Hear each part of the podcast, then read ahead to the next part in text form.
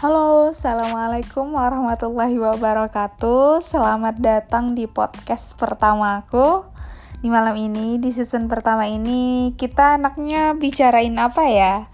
Mungkin uh, cerita-cerita singkat dulu aja kali ya. Aku mulai dari perkenalan dulu. Nama aku Isma Arianti, umur 23 tahun Bekerja sebagai karyawan swasta Aku adalah seorang yang sangat menyukai uh, sebuah cerita, baik itu cerita dari aku ke orang lain atau cerita orang lain ke aku. Aku tipe orang yang sangat suka sharing. Tapi mungkin untuk sekarang aku lebih banyak lebih suka mendengarkan cerita orang lain ketimbang aku sendiri bercerita karena mungkin makin ke sini makin selektif ya untuk menemukan orang yang bisa nyaman untuk diajak bercerita. Tapi di podcast ini adalah sebuah pengecualian. Mungkin dimulai dari malam ini aku akan lebih banyak menceritakan pribadiku di podcast ini. Jadi buat kalian yang lagi bersantai dan punya ketertarikan untuk mengambil hal positif dari ceritaku, Yuk kita sama-sama dengerin dan sama-sama ambil hal-hal positif dari cerita yang aku ceritain malam ini. Oke? Okay?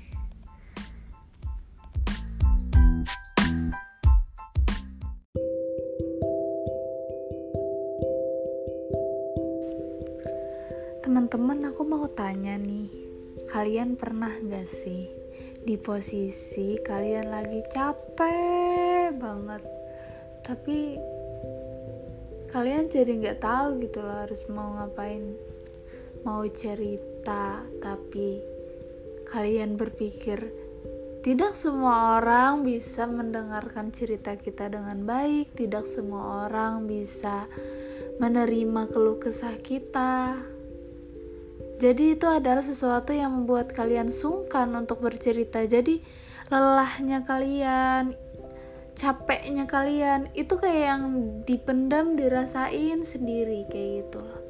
Tapi di sisi lain ada suatu hal yang membuat kita berpikir bahwa oh ini kita cuma capek loh kayak gitu. Kita bisa istirahat dan kemudian besok-besok kita bisa semangat lagi gitu.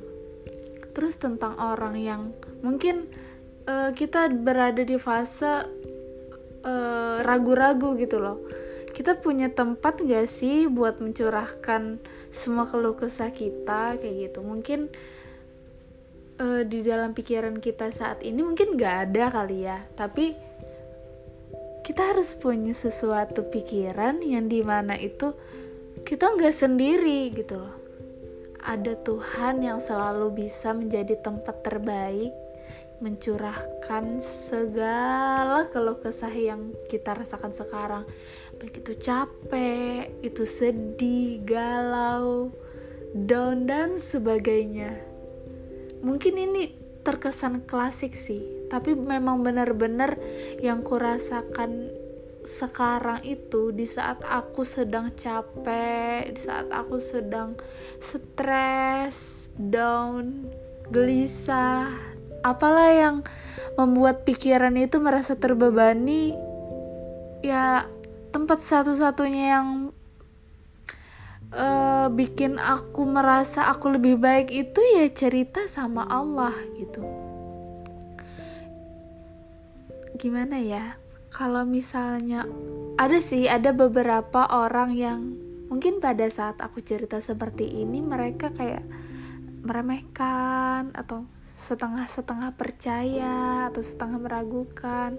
Karena memang mereka belum pernah mendapatkan titik hikmatnya bercerita kepada Tuhannya gitu. Ya memang pada saat kita bercerita komunikasi di situ terkesan hanya e, mempunyai komunikasi satu arah karena memang pada saat kita bercerita tidak ada yang menanggapi secara langsung.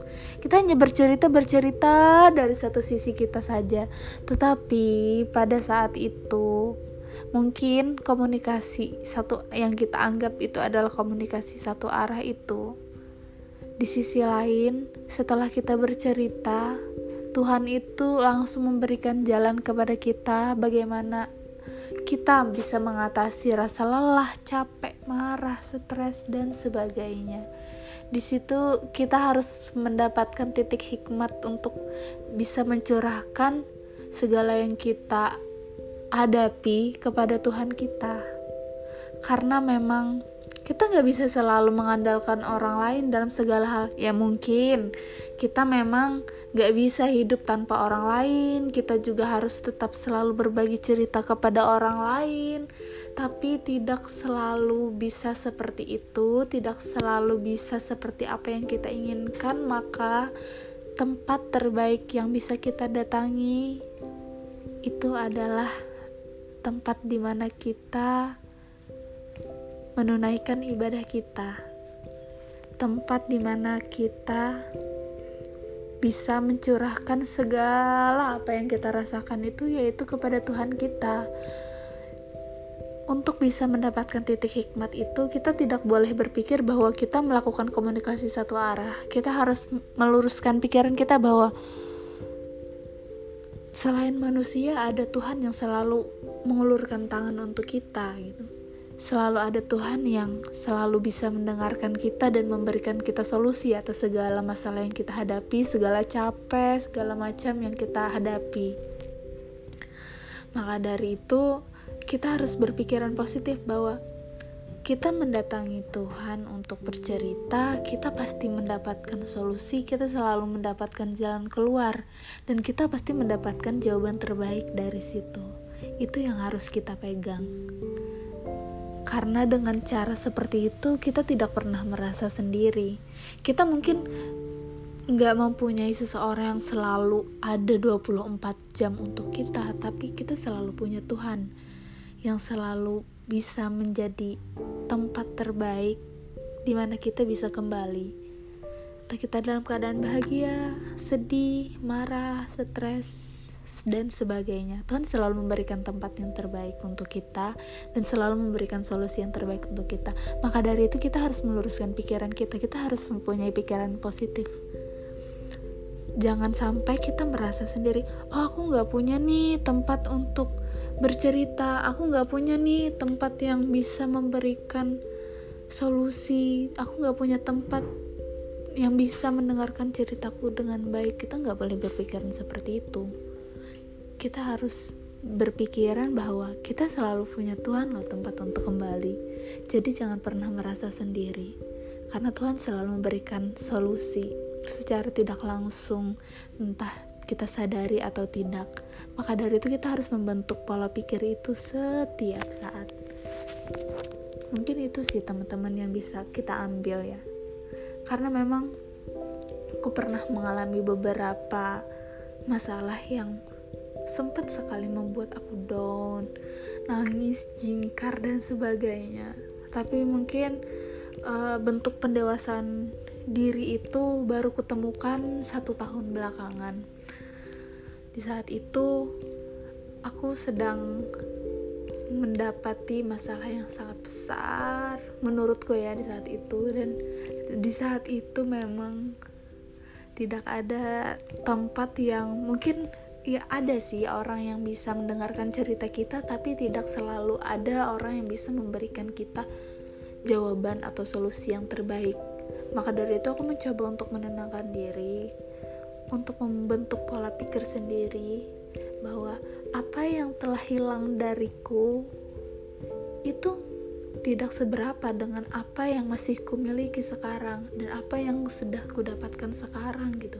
Aku selalu berusaha mengembalikan pikiranku seperti itu supaya aku nggak terlalu down dengan apa yang ku alami. Dan aku berpikir oke okay, aku akan nangis untuk satu kali aku nangis sekencang-kencangnya tapi setelah ini aku nggak mau lagi untuk menangis jingkar seperti itu. Karena aku anggap nangis itu sebagai penyembuhan tapi tidak untuk selalu kusesali setiap saat. Pada saat aku sudah selesai nangis, pikiranku harus sudah jernih. Aku harus pikiranku harus lurus bahwa Tuhan memberikan aku cobaan itu gak bakalan melebihi batas kemampuanku.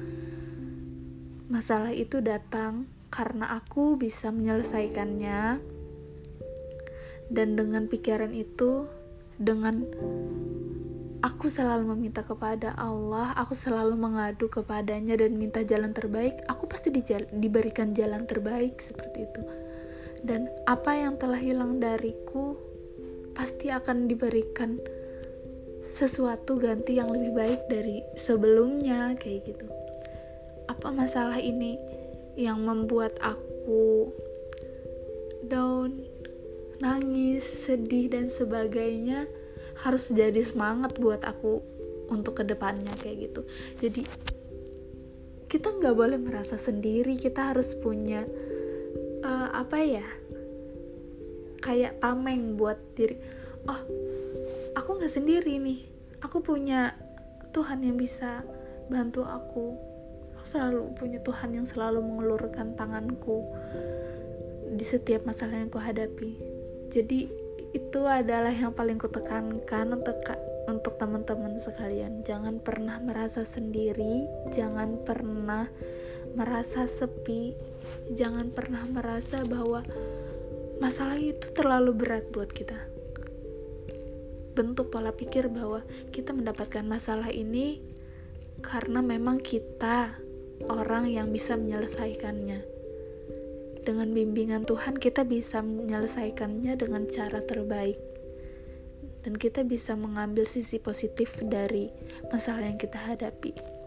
Itu teman-teman yang bisa aku sampaikan untuk malam ini. Semoga kita sama-sama bisa mengambil sisi positif dari cerita yang aku ceritakan malam ini.